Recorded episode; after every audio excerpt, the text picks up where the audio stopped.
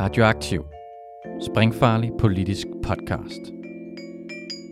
Følg os, like os, del os, læn dig tilbage og nyd en frisk blandet cocktail af skarpe vinkler, dybtegående analyser og farlige debatter.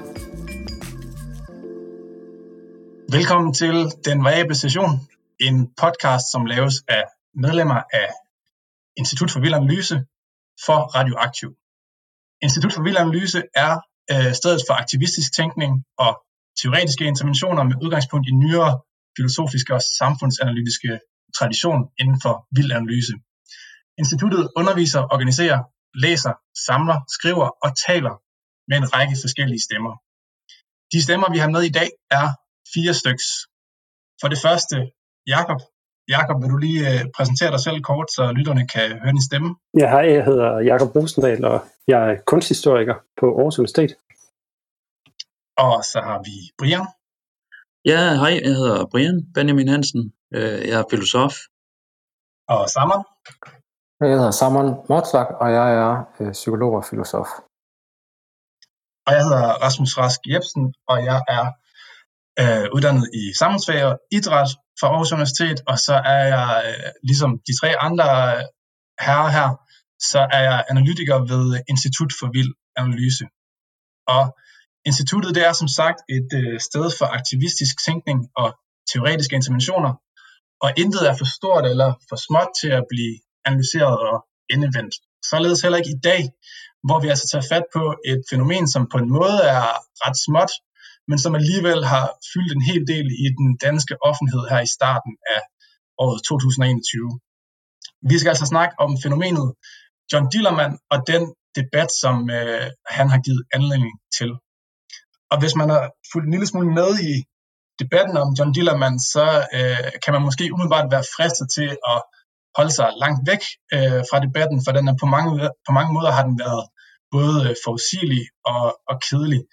Øh, man kan sige, at den passer ind i en form for identitetspolitisk rammefortælling, eller et opgør med politisk korrekthed, eller det, som man kunne kalde cancel culture osv. Ikke desto mindre, så mener vi altså, at der er øh, en grund til at opholde sig lidt ved det her fænomen, John Dillermand, og den betydning, som han er blevet tillagt i øh, offentligheden, fordi han kan øh, fortælle os noget om øh, faldersbegrebet, om seksualitet, om børns seksualitet, og ikke mindst voksnes syn på børns seksualitet. Og måske også lidt om MeToo her i dansk kultur. Så vores ærne er altså ikke at tage endnu en kedelig runde i debatten om, hvorvidt John Dillermand hører til i dansk tv eller ej, men vores ærne er derimod at anskue John Dillermand som et symptom. Vores ærne er altså kort sagt ikke moralsk, men derimod analytisk. Så lad os gå i gang med øh, analysen, og vi kan måske starte sådan øh, rimelig ateoretisk med spørgsmålet, øh, hvem er John Dillermand? Hvem har lyst til at slå an på den?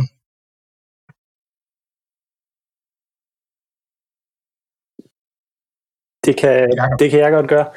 Øh, jamen altså, John Dillermand, som, som ingen nok øh, i hele det ganske land er i tvivl om nu, er jo den her øh, børneseriefigur, der skal appellere til, øh, til de 4-8-årige på, på Ramachan.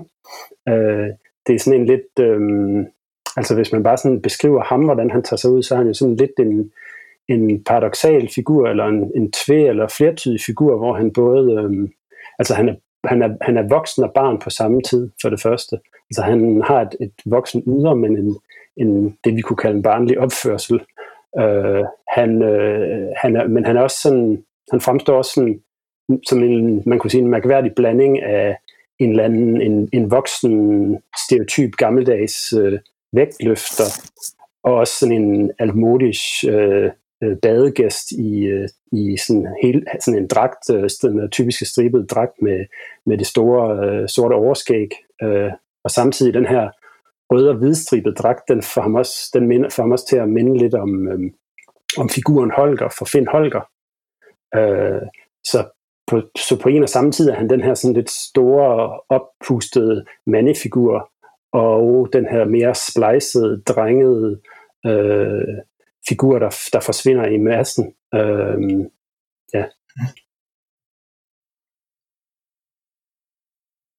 Og hvad er det så med, øh, hvad er det så med John Dillermand? Altså, hvad, hvad er der med den, øh, med den Dillermand der? Hvad, hvad sker der med den? Hvad, hvad, vil, øh, hvad vil der typisk ske i John Dillermand-afsnit? Jamen, det der typisk vil ske i sådan en John Dillermand-afsnit, det er, at øh, John han er i gang med et eller andet, eller han skal til at gøre et eller andet, og så, øh, så laver Dylan rav i den, på en eller anden måde. Så får den en eller anden idé om, den I skal gøre et eller andet, og og John han siger typisk sådan noget, nej Dylan, det må du ikke, og så gør den det alligevel, og øh, så opstår der et problem, og, og, og så på et tidspunkt, så skal det her problem løses, og så siger fortælleren faktisk, jamen, er det ikke dig, der er John Dillermand? Og så går det op for John Dillermand, jo, det er det jo. Og så, øh, ja, så skulle jeg sige, så, så, så sørger John for at, at, at få ordnet tingene igen, men det er ret beset Dilleren, som sørger for, at, at tingene så lykkes igen, og så bliver øh, John øh, Dillermand så ligesom til en held for det problem, som Dilleren selv har skabt. Ja, og i den øh, overgang der ikke fra, hvor, hvor Dilleren har skabt rav i den ved at vælge et eller andet, eller jeg gør et eller andet, man ikke må, og så til, at konflikten skal løses, så er der sådan en påkaldelse af fortællerstemmen i programmet, som siger, ej John, nu må du lige, øh, nu, nu skal du have gjort noget ved det der problem. Og så tager John sig sammen og bliver til den her på en måde figur, John Dillermand, der får den sådan lidt en sådan superhelte karakter på en eller anden måde, så bliver konflikten løst. Vi kan også, vi kan også sige, at det er jo sådan en, en, altså en klassisk øh, hjem-ud-hjem fortælling, og, og det er det vidderligt i hvert afsnit. Det er jo sådan set den, den samme fortælling, vi får igen og igen i de indtil 14, de 14 afsnit, der ligger på deres hjemmeside. Øh, det er hele tiden historien om, om John, der er hjemme i sin have, og så laver han ballade, som Samuel siger, eller rettere sagt, han stiller laver ballade. Øh, bedstemoren kommer, og, eller det er ikke bedstemoren, det er oldemoren, hun kommer og i rette sætter ham, og gentagende gange er det altid med beskeden, pak den så væk. øh, og, øh, og så, får, så får han sådan en, en, straf af en art af oldemor, der betyder, at han bliver sendt ud i verden. Men øh, lige så snart han er ude i verden, så ender det jo selvfølgelig også galt med den her store problematiske diller, der har sit eget liv. Øh, så den skaber ligesom nye problemer.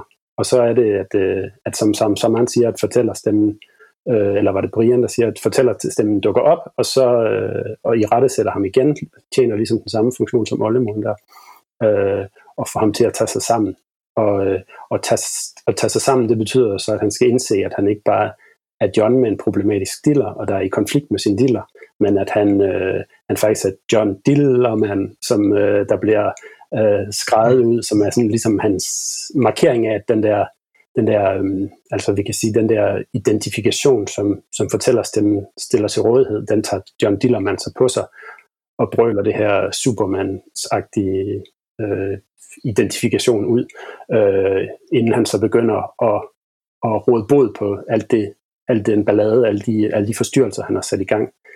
Og det, det, det øh, fører så til, at vi springer til, til slutningen, hvor han så har klaret ærterne, og så sidder vi hjemme igen hos Ollemor, og John Dillermand og Ollemor kan sidde og se, øhm, se tv sammen, hvor, hvor de ting, han så har klaret i løbet af dagen, øh, bliver vist på tv. Og han så får øhm, både Ollemorens og, og hvis der nok også som oftest fortæller stemmens anerkendelse for, at han indfandt sig i sin rette symbolske identitet. Ja, man kan sige, altså det er jo det, er jo, det her lille tv-program, det er jo et fremragende symptom, sådan at gå i gang med at kigge lidt på, især i disse tider med MeToo og så videre, som vi øh, også nok skal vende tilbage til. Men altså, det ved jeg ikke, vi kan måske begynde og, og snakke om det der med, om det egentlig er, er sjovt, eller hvad det egentlig er, programmet kan, ikke? Altså, øh, hvad, hvad er det ved det, som, øh, som tiltrækker sig opmærksomhed, hvis vi sådan lige bliver i programmets øh, præmis? Altså, der er jo nogle momenter i det, som, som er sådan lidt fnisesjove. altså lige præcis de der momenter, som, som Jakob siger der i starten, hvor, hvor dealeren begynder at lave ballade. Altså det er jo sådan et element, der også er kendt fra, fra børnetv generelt, ikke? Altså der skal være en eller anden fræk lille dukke, eller fy, det må man ikke, og så gør man det alligevel. Altså der er de der små overskridelser, ikke? Og det, det er dem, der sådan ligesom er kickstarten i programmet eller i, i de små afsnit, i, i, sådan, i hver eneste af de små afsnit, er det det, der ligesom starter balladen, og det er der, der er et eller andet sådan sjovt element. Jeg ved ikke, hvordan I andre har det. Om det egentlig er, jeg, jeg bliver lidt irriteret på det, men altså, det, det har vel lidt af den der sådan fnise sjovhed. det ved jeg, jeg, jeg, jeg synes heller ikke, det er sådan vildt sjovt. Altså, jeg, jeg tror, jeg på et tidspunkt grinte lidt af et sted, hvor, hvor at han, han, han spiller bas på sine dealer og tjener en masse penge, og, og, og må indrømme, jeg, jeg, jeg kan huske, jeg, altså, jeg sad også sådan og rystede sådan lidt på hovedet, og jeg er ikke sådan helt klar over, hvorfor det var, at det var på en måde sjovt, men også sådan lidt come on-agtigt. Også en kliché, ikke? Altså, ja. sådan, ja. man vidste næsten, den ville ende der, på en måde. Ja. Det er, det er jo også, altså, man kan sige, det er jo også bare sådan en, altså klichéen på, øh, på komik, eller sådan, altså sådan en, en, en, en, den der figur med en, en eller anden øh, ophøjet mande, mande, mandefigur, der går hen ad vejen, og så ender med at glide i en bananskrald, og så falder ned. Altså, øh, det, det er jo også øh, det, vi på en måde ser igen og igen her, at, at der er en, en mandefigur, der ligesom udstråler en vis potens i den her mærkelige øh, vægtløfter stærkmandsfremtoning, men så igen og igen bliver han ligesom undermineret sin diller og ender med at glide i den som en bananskrald. Men det er jo faktisk, altså det komiske element ligger jo faktisk næsten i gentagelsen her, ikke? Altså fordi det der eksempel, du lige havde fat i, altså en, en baron kommer gående, glider i en bananskrald og falder ned. Okay, det, det kan jo, så kan han jo brække et ben, og det kan være tragisk og alt muligt, ikke? Men det sjove er, at baronen rejser sig op igen og går videre i sin ophøjede baronhed, som om intet var hent på en måde lidt øh, det samme her, ikke? Altså, det, det, det bliver gentaget hele tiden, at den her Dillermand, den er ikke til at styre, og øh, det, det komiske er jo, at ja, det kan varieres i det uendelige, men altså, øh, det, det er stadigvæk det, som er det lystbetonede ved at, at se det, det er den der gentagelse, ikke? Mm. Og det er også, man kan også sige, det, det komiske er, øh, altså ligger også i den der øh, insisteren på, på den her øh, mægtige mand, eller baronen, som du siger, ikke også, at han, at han, øh, at han selv insisterer på sin baronhed. Mm, og det præcis. ikke bare handler om, at han falder og bliver, bliver smusset til, men at, han sådan, at der er noget, der er på noget, altså, og at han der ved at blive smusset til, skulle sådan fremstå mere menneskelig, og ikke kun som det her ophøjet symbolske ideal, han har i kraft af sin baronidentitet, men at han lige pludselig, i og med at han at han bliver ved med at, øh, han falder, og han insisterer på at fortsætte at være ophøjet, og så falder han igen, og så rejser han sig igen, og den her dynamik kan, kan blive ved med at udspille sig, så lige pludselig så fremstår han faktisk komisk øh, i, sin, øh, i sin baronhed, i stedet for mm. faldet nedad på en måde. Mm. Øhm, og det er jo også, altså det er jo en, en pointe, vi henter fra filosofen Alenka Supancic's bog om, om komedien The, The Odd One In, øh, hvor hun også ligesom, øh, altså hvor hun også taler om den her form for, for komik, øh, som en, der ligesom øh, tillader en, en, vi kunne kalde det en disidentifikation.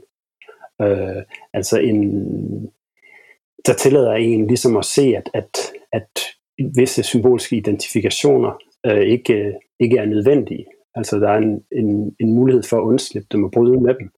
Øh, hvorimod at, at det hun så kalder, altså det er jo det hun kalder for en, for en progressiv øh, komik, hvorimod hun også øh, taler om en, en mere konservativ komik, øh, som netop er en, der in, øh, holder fast i den symbolske identifikation. Det kan godt være, at baronen falder, men han er på en måde trods alt stadigvæk baron, og trods alt stadigvæk ophøjet. Øh, og, og ud fra den betragtning øh, må, må, altså vil jeg mene, at der er grund til at kritisere John Dillermand for ligesom at høre mere i den konservative lejr af komikken end den, den progressive. Altså netop på, den, på grund af den måde, som, som fortællingen altid ender på. Altså det ender altid med, at, at øh, John Dillermand han må, må indse, at han kan forlige sig med sin, sin diller, der forstyrrer ham, øh, og det kan han netop ved at indtage den symbolske identitet øh, John Dillermand.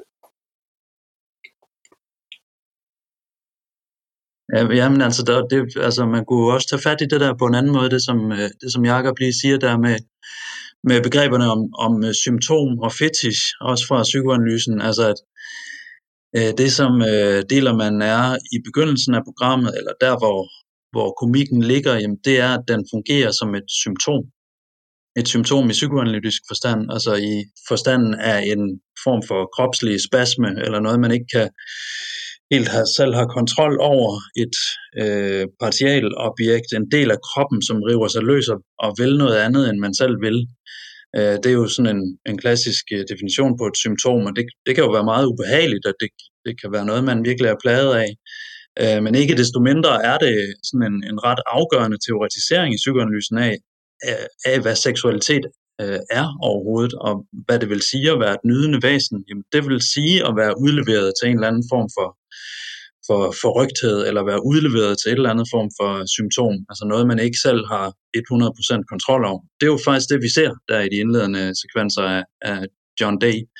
Og så, men så ender den med at forvandle på magisk vis symptomet til, en slags, til et slags magisk objekt, som løser alle de problemer, der lige var blevet skabt. Øh, og det her magiske objekt, det får karakter af en fetish, altså noget, der på en eller anden måde øh, stopper problemet til, han har sagt, det er måske en forkert metafor, men altså i hvert fald på en eller anden måde øh, skaber en, en løsning og en harmonisk balance igen i det, som ellers var forrygt og sådan ved at falde, sådan ved at gå i stykker. Der er altså et eller andet ved, ved ham her, John D., altså, og den måde, han sådan alligevel ender tilbage igen i, i harmonien, og der, der, er ikke sket, der er ikke sket noget særligt. Øhm, og, og der var en vej tilbage igen i sådan en, en rolig og harmonisk orden. Jeg kommer, jeg kommer også sådan lidt til at tænke på, apropos noget, apropos noget af det, du siger, Brian, øh, altså med at være udleveret til noget forrygt, altså at, at, at John Dillermand komisk, ja, men han er, jeg synes på en måde, at i hvert fald John selv er også lidt en tragisk øh, figur. Altså på en måde så, øh, så er han sådan lidt som sådan en måbende idiot, hvor øh, at dealeren ligesom bare styrer showet, og øh, det, det er ligesom dealeren, der nyder, og hvis han er heldig, så kan der måske godt til sidst falde lidt anerkendelse af, og lidt kærlighed af på ham, øh, når han sidder der med oldemor, men, men det, det, det er Dylan, der har agensen, det er Dylan, der vil frem i verden. Der er også et, et afsnit, hvor han faktisk øh, kommer op og slås med sin egen dealer, fordi Dylan er bedre til at, til at bygge øh, et, et slot, end, øh, end han selv er som på en eller anden måde også, altså, hver gang, at der sker noget godt, hver gang der er noget, der faktisk formår at, at lykkes, så er det Dillon, der sørger for det, og på en måde ikke, ikke John selv. Så på den måde, så, så er det også, altså det tror jeg, det er også noget, vi kommer til at snakke om lige om lidt med, hvad forskellen på en penis og en fallus er. At, at det er også, altså John Dillermand er også en meget kastreret øh, figur, på trods af, at han altså har, eller måske netop fordi han har verdens længste diller, som så på en eller anden måde bliver en helt ekstern ting, som han er udleveret til. Men det, så, det er rigtigt, det du siger der sammen med, at det ligesom skal sanktioneres til sidst. Øh, det der med, at han har gjort det godt, og at han får anerkendelse. Og helt til sidst i hvert afsnit, så sidder ham og Oldemor jo i sofaen, og så tænder Oldemor for fjernsynet. Og så det, der bliver vist i fjernsynet, er det, der skete den dag, og hvor John rodede sig ud i noget med sine dealer, og, men så alligevel endte med at redde det med dealeren. Og der, der er der lige sådan et tippepunkt i hvert afsnit, det, det, der er nogle afsnit, der ender med, at hvor var det godt, at tingene blev løst og sådan noget, og, og oldemoren forstår ikke helt, hvordan det kunne lade sig gøre, og sådan noget, men det var fint nok.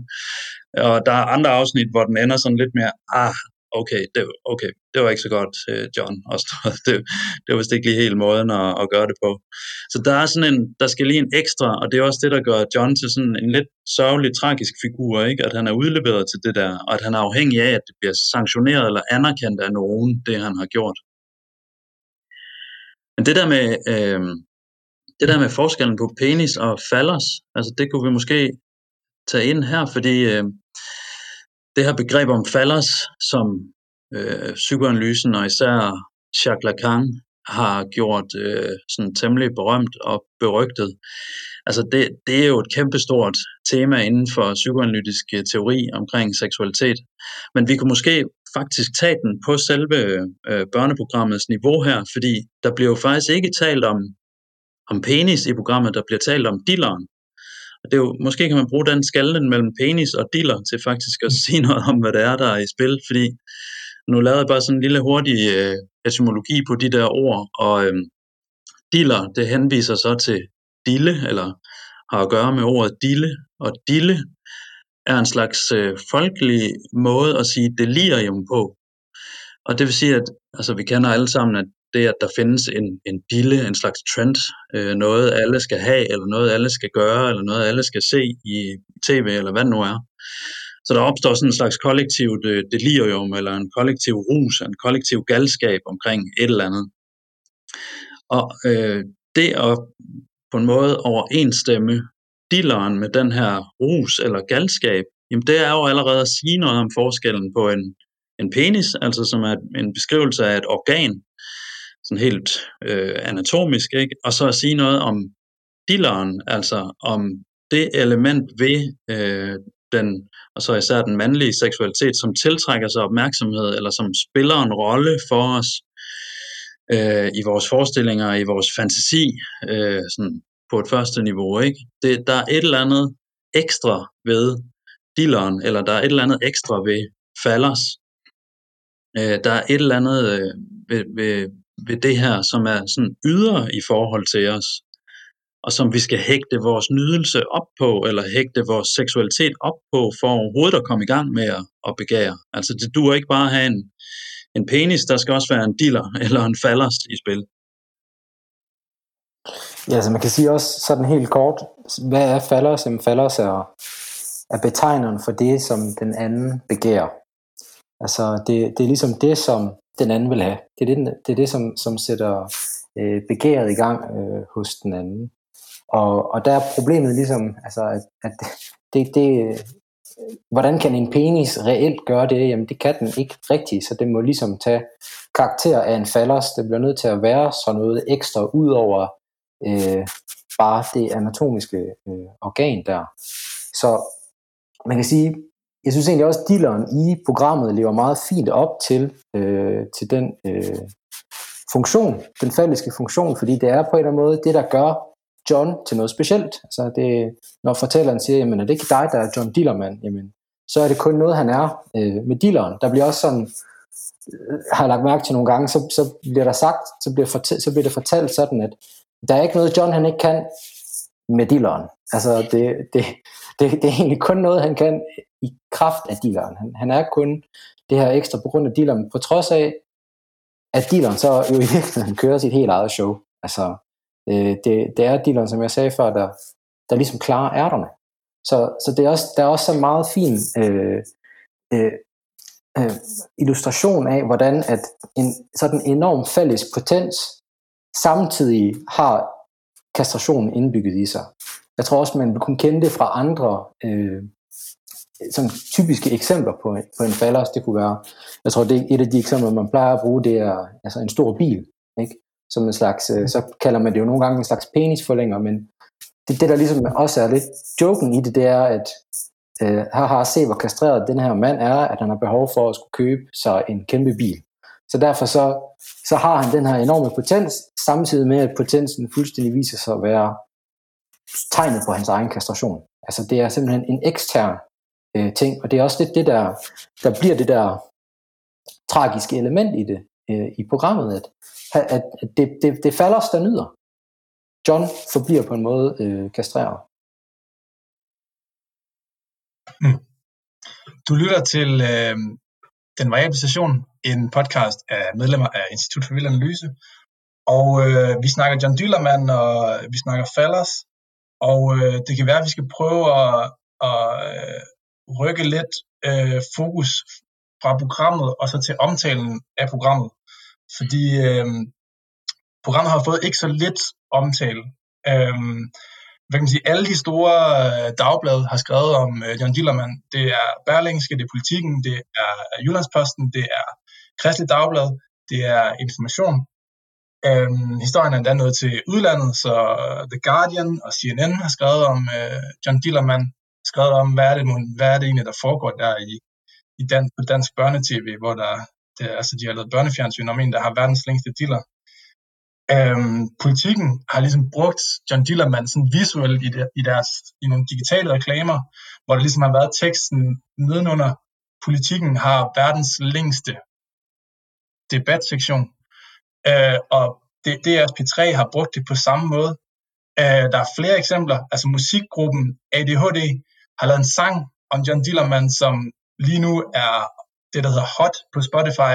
Altså den har mere end 200.000 øh, afspilninger, på trods af, at den er ret ny, og den har næsten lige så mange afspilninger på, øh, på YouTube. Um, endnu et eksempel kunne være, at der er lavet en hækleopskrift, på, øh, som er delt på Instagram, så man nu kan hækle sin egen John Dillermand.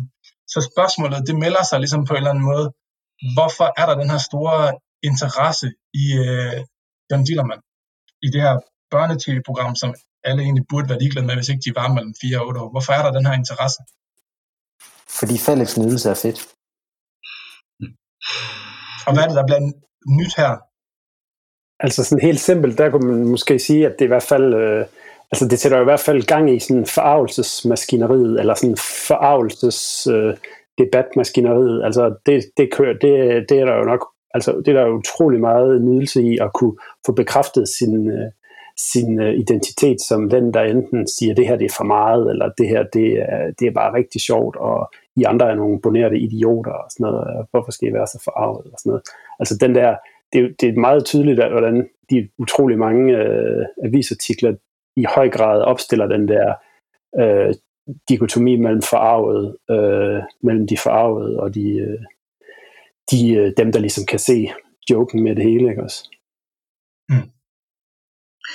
Ja, og så tror jeg også bare, man må tilføje, altså det, det virker næsten lidt øh, plat at sige det, men jeg tror simpelthen også, der er bare en nydelse ved at sige diller i, i offentligheden. Og det spiller serien også på. Altså, at det, at voksne journalister kan få lov til at skrive tissemand eller dillermand en hel masse gange i en artikel, og så bruge det i debatsektionen. Men, men hvad hedder det, hvad kan man sige, øh, serien spiller også selv på den, hvis man ligesom lytter til den måde, fortællerstemmen siger diller på, så siger han det tit med sådan en betoning. Øhm, altså der, der er nydelse ved selve det der ord, som er sådan lidt mærkeligt at tage i sin mund, når man er et voksen menneske. Øhm, men hvis man så ligesom læser alle de her mange debatartikler, øh, som er skrevet, så er der jo øh, selvfølgelig øh, nogen, der argumenterer for det ene og det andet, og det, som er sådan lidt øh, specielt i, øh, hvad kan man sige, alle skab, altså det er, der er nærmest den samme skabelon i alle de store øh, øh, dagblade der. Altså som man starter med ligesom at, at øh, citere uh, Morten Messerschmidt, som har skrevet på Twitter, at uh, det var dog for galt, at uh, børn skulle se den her slags.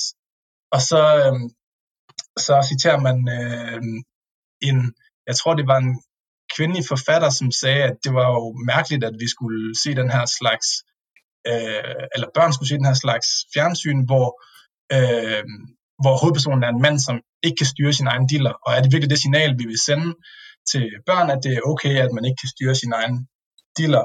Og så på den anden side, så, så giver man så nogle øh, argumenter for, at det er godt at lave noget øh, progressivt børnefjernsyn, hvor der er plads til, at man kan tås rundt og sige dealermand og øh, ikke være så politisk korrekt øh, og så videre, så videre.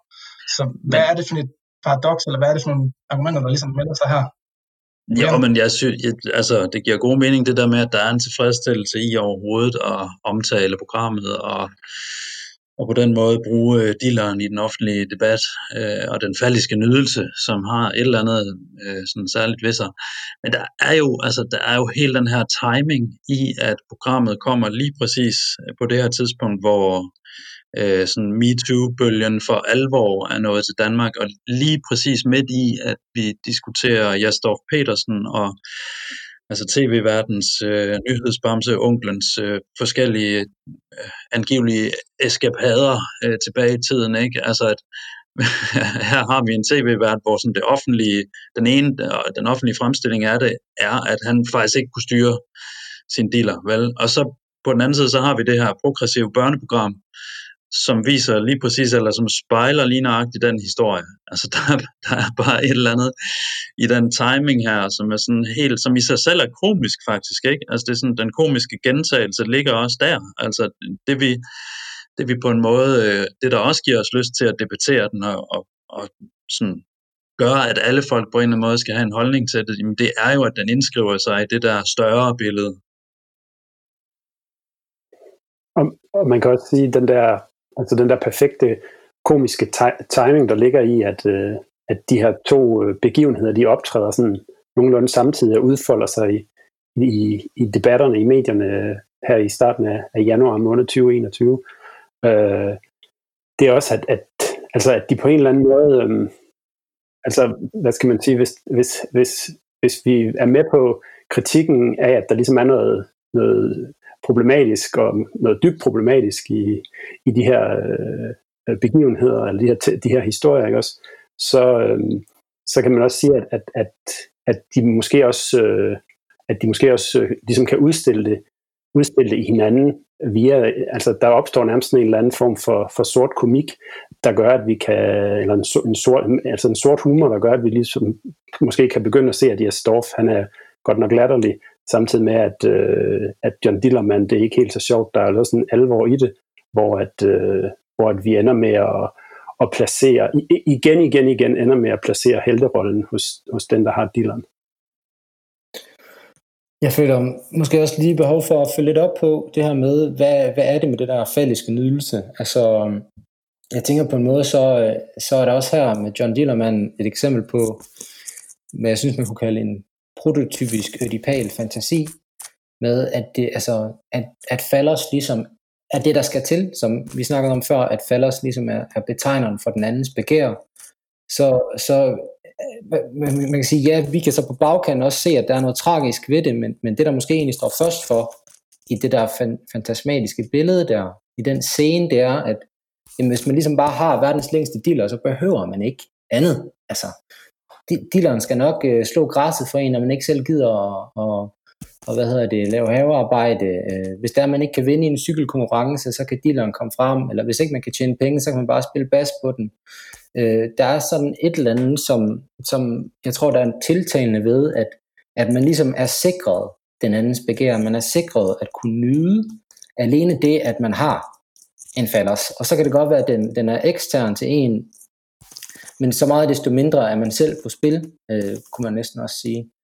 Øh, og, og det tænker jeg, der er også noget sådan, og det kommer måske også lidt nærmere i forhold til det her med MeToo, ikke? Men, men, men der er et eller andet som nok også er besnærende ved at, at kunne læne sig ind i en sådan mere traditionel, patriarkalsk, seksuel kultur, hvor det er, at, at man, man normalt også bare vil tænke, at, at nej, men jeg har jo jeg har jo en falder, så derfor så er jeg begæret. Altså, øh, jeg, jeg kunne i hvert fald heller ikke selv lade være med at, at, at tænke lidt på, at hvad kunne være et godt eksempel på den her funktion også, men det, det kunne være sådan noget som et dick pic.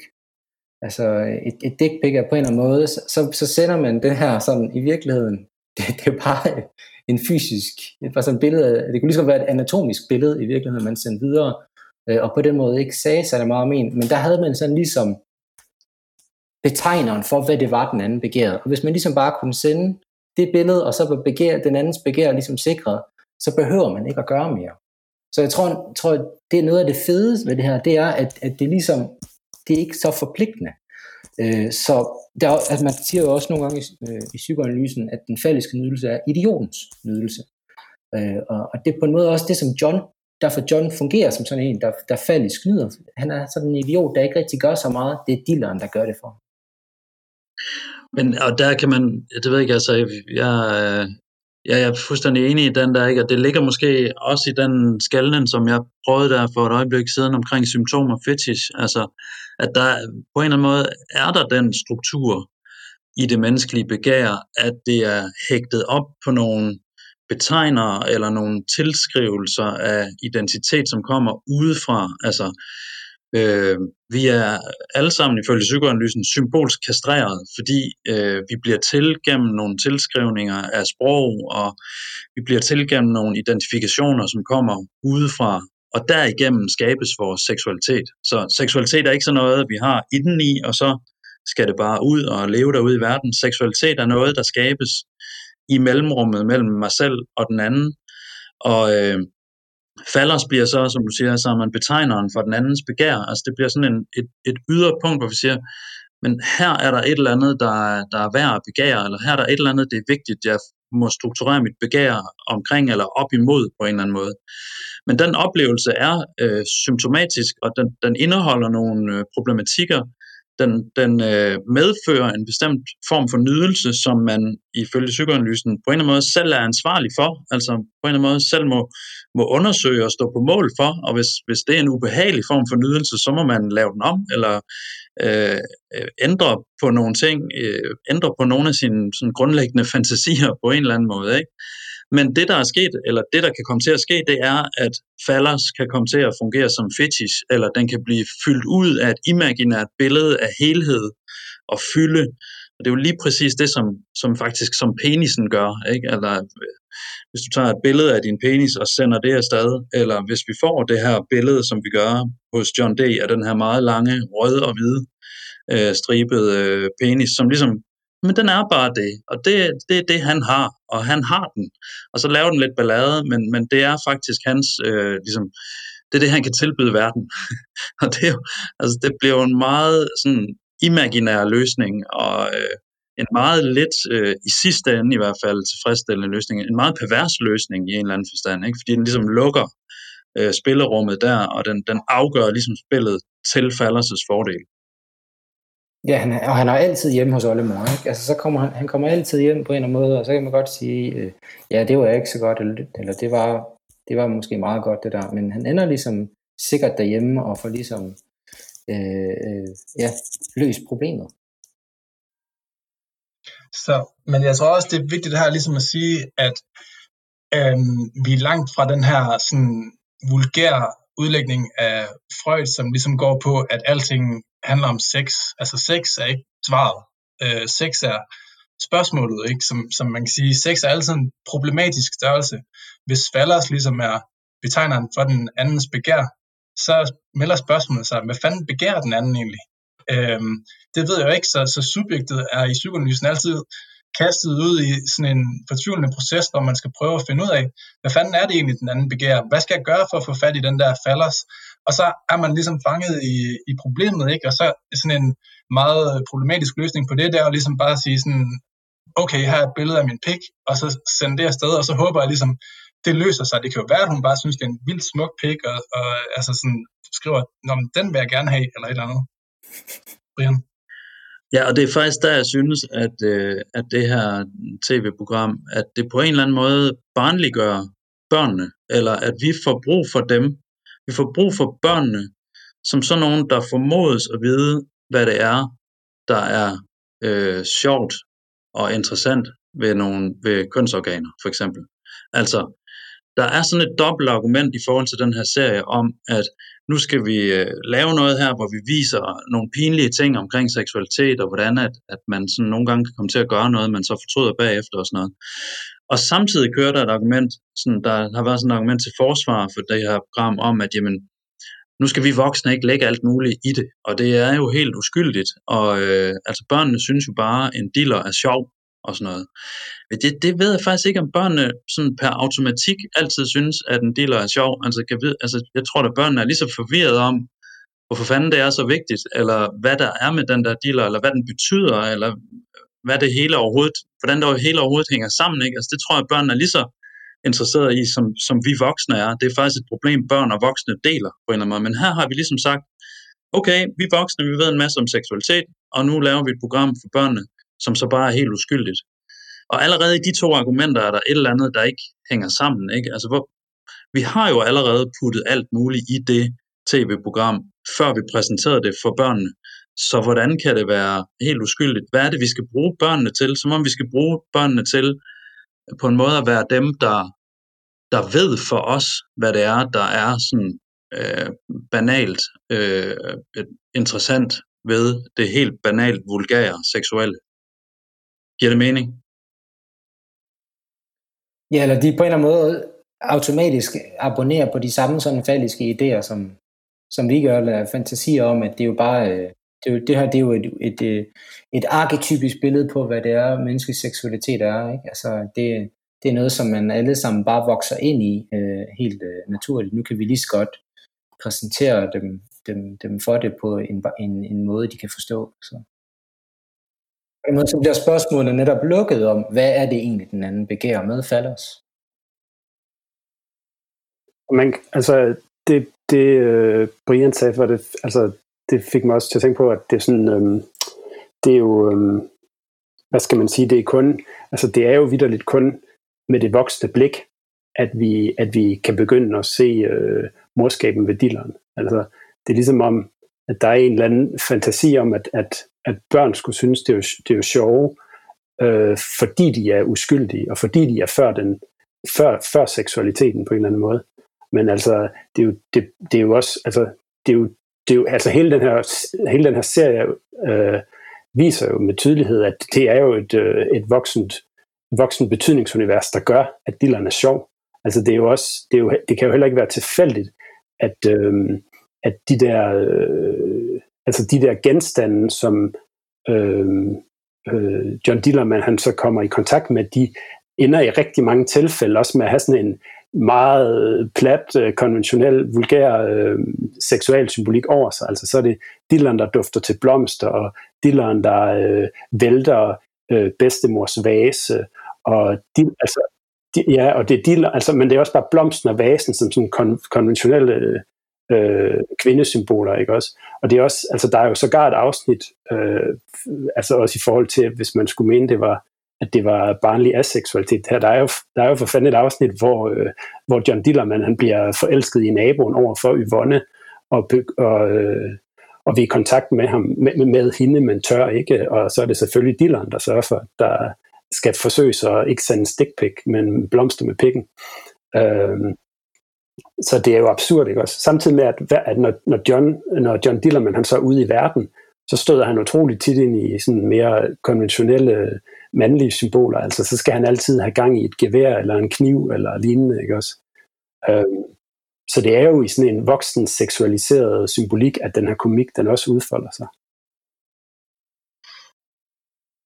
Du lytter til øh, Den Variable Station, en podcast af medlemmer af Institut for Vild Analyse. Og øh, vi snakker om John Dillermand, og jeg vil godt lige, øh, måske her til sidst, lige vende tilbage til det her øh, den her lidt mærkelige, øh, paradoxale måde, der er blevet argumenteret øh, for, eller når vi har set et forsvar af John Dillermand, så har det lyttet øh, på den måde, at John Dillermand er blevet taget i forsvar, fordi han, øh, siges det, er ikke sporseksuel. Altså han, han, hans, øh, hans, øh, hans, hans væren og hans øh, Dillermand er fuldstændig uskyldig, så han er fuldstændig afseksualiseret. Han er renskuret for seksualitet. På den anden side, så går for, forsvaret, de samme mennesker siger så også, at John Dillermand er så pisse fedt, fordi det netop ikke er renskuret og kønsstereotypt, men netop er progressivt og tør sige noget øh, om Dillermand og så videre. Altså det er lige før, at jeg skal, jeg skal lige læse, jeg læser lige kort op her fra en leder fra politikken, som forsvarer John Dillermand. Så, den, så de politikken skriver, kritikken er forfejlet, for John Dillermans øh, Diller er så, asex, så aseksuel, som det næsten kan tænkes. Den er rød-hvid som den gamle spadedragt John vandrer rundt i, og minder mere om en slange eller en snabel, end noget tilnærmelsesvist sexet eller sjovt. Så forsvaret er altså, han er overhovedet ikke seksuel, John Dillermand, heller ikke hans diller. Samme, samme leder længere nede skriver øh, samme, øh, samme øh, politikleder så, Uh, om John Dillermand er sjov eller plat er en smagsag, men det er lige præcis denne slags fritænkning, som DR skal holde fast i. Og så skriver de så videre, hvorfor at John Dillermand er sådan en form for seksuel øh, fritænkning, som står i modsætning til den der renskurede kønsstereotype børneunderholdning, som man får på Netflix og Disney Plus og Viaplay. Så på den ene side, så er John Dillermand slet ikke seksuel, og på den anden side, så er han netop udtryk for seksuel fritænkning. Men det og det var det, som jeg øh, havde lidt fat i før, tænker jeg. Altså, at mm, det er jo klart, at der er alle mulige former for seksualitet på spil i det her, øh, i det her program. Ikke? Og, altså, du kan ikke rigtig kalde et program for John Dillermand, uden at det involverer en eller anden, et eller andet spørgsmål om øh, seksualitet. Øh, men der er på en eller anden måde brug for, at vi har, altså, at vi har en forestilling om, at for børnene er det uskyldigt. Og det, det tror jeg er et eller andet, vi skal, som, som offentlighed og i den situation, vi er i, det er et eller andet, vi skal bruge til noget.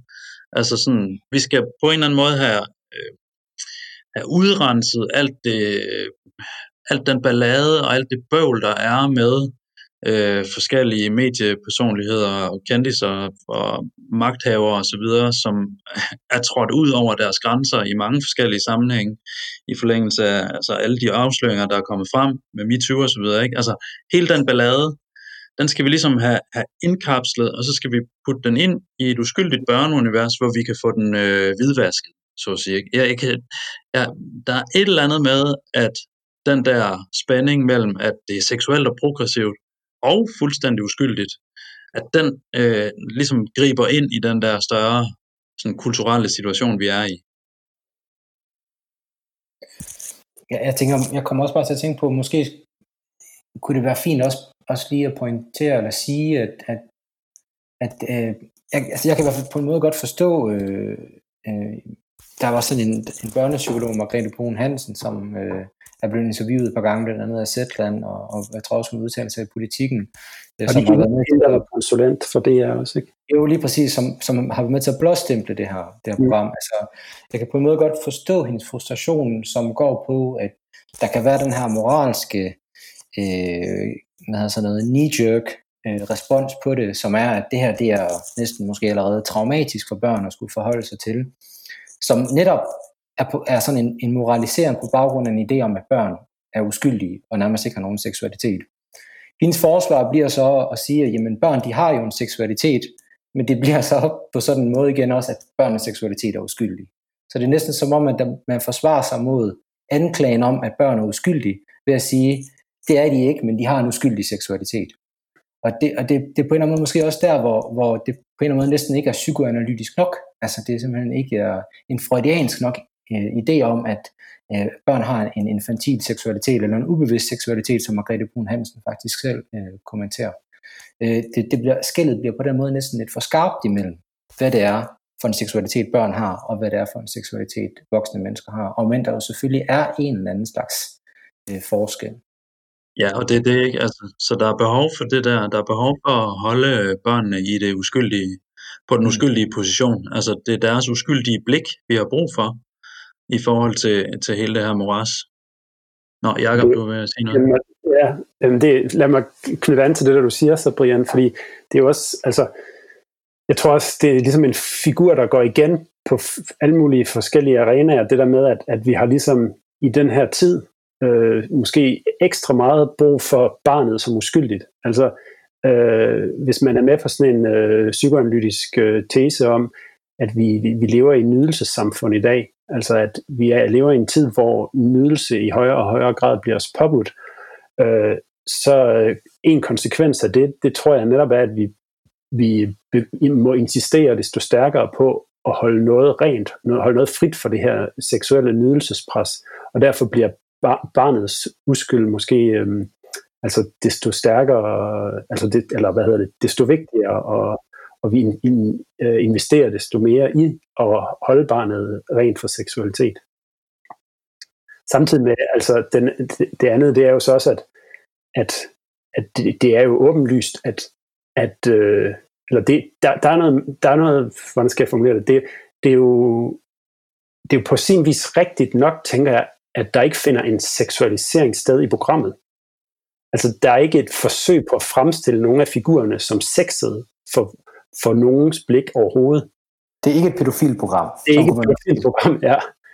Præcis. Samtidig så udstiller programmet jo netop kernen i den menneskelige seksualitet, som er splittelsen mellem, vi kunne sige, jeget og id, mellem en, øh, en, øh, et, et, et øh, stilfærdigt subjekt som John, der øh, igen og igen har problemer med en nydelse, der er for meget ved ham. Det er simpelthen kernen i den menneskelige seksualitet, som, som, som der bliver udstillet. Og spørgsmålet om, hvad den anden begærer, og så det idiotiske svar, man bliver ved med at komme på. Ja, det er at være en superhelt med en stor diller. Ja. så hvis jeg bare lige må øh, slutte af med at knytte an til øh, det der med børnenes uskyldige blik, og hvad har det så med MeToo at gøre, så er det altså det her med, som jeg ser det i hvert fald, at det er som om MeToo har gået hen i vores i offentligheden er blevet sådan lidt ubehagelig for nogle mennesker. Altså nu er det selv vores folkekære Jesdorf, han, han bliver sgu fældet af det her, og det er lidt ubehageligt at forholde sig til, at uh, kan vide, om jeg nu også er for meget med min øh, seksualitet, eller har sagt eller gjort noget forkert på et tidspunkt.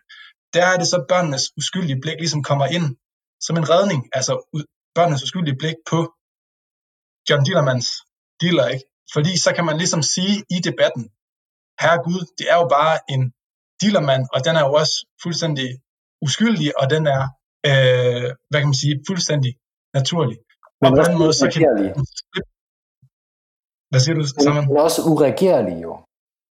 Og på den, Den måde, er- så, bliver, den, der, så, så er man selv uskyldig, ikke? Altså, Netop. Netop. Men programmets øh, ærne er altid at løse konflikten, så den der konfliktløsning, det bliver ligesom sådan en, en fantasi om, at vi kan, kan slippe af med den der seksuelle excess, og dermed kan være i et univers, hvor at øh, Jes Dorf, han, øh, han kan godt have, have problemer med sin diller, men i sidste ende, så bliver han vores allesammens tv-helt. Mm. Du har lyttet til Den Værge Position, en podcast lavet af Institut for Vild Analyse. Tak fordi du lyttede med.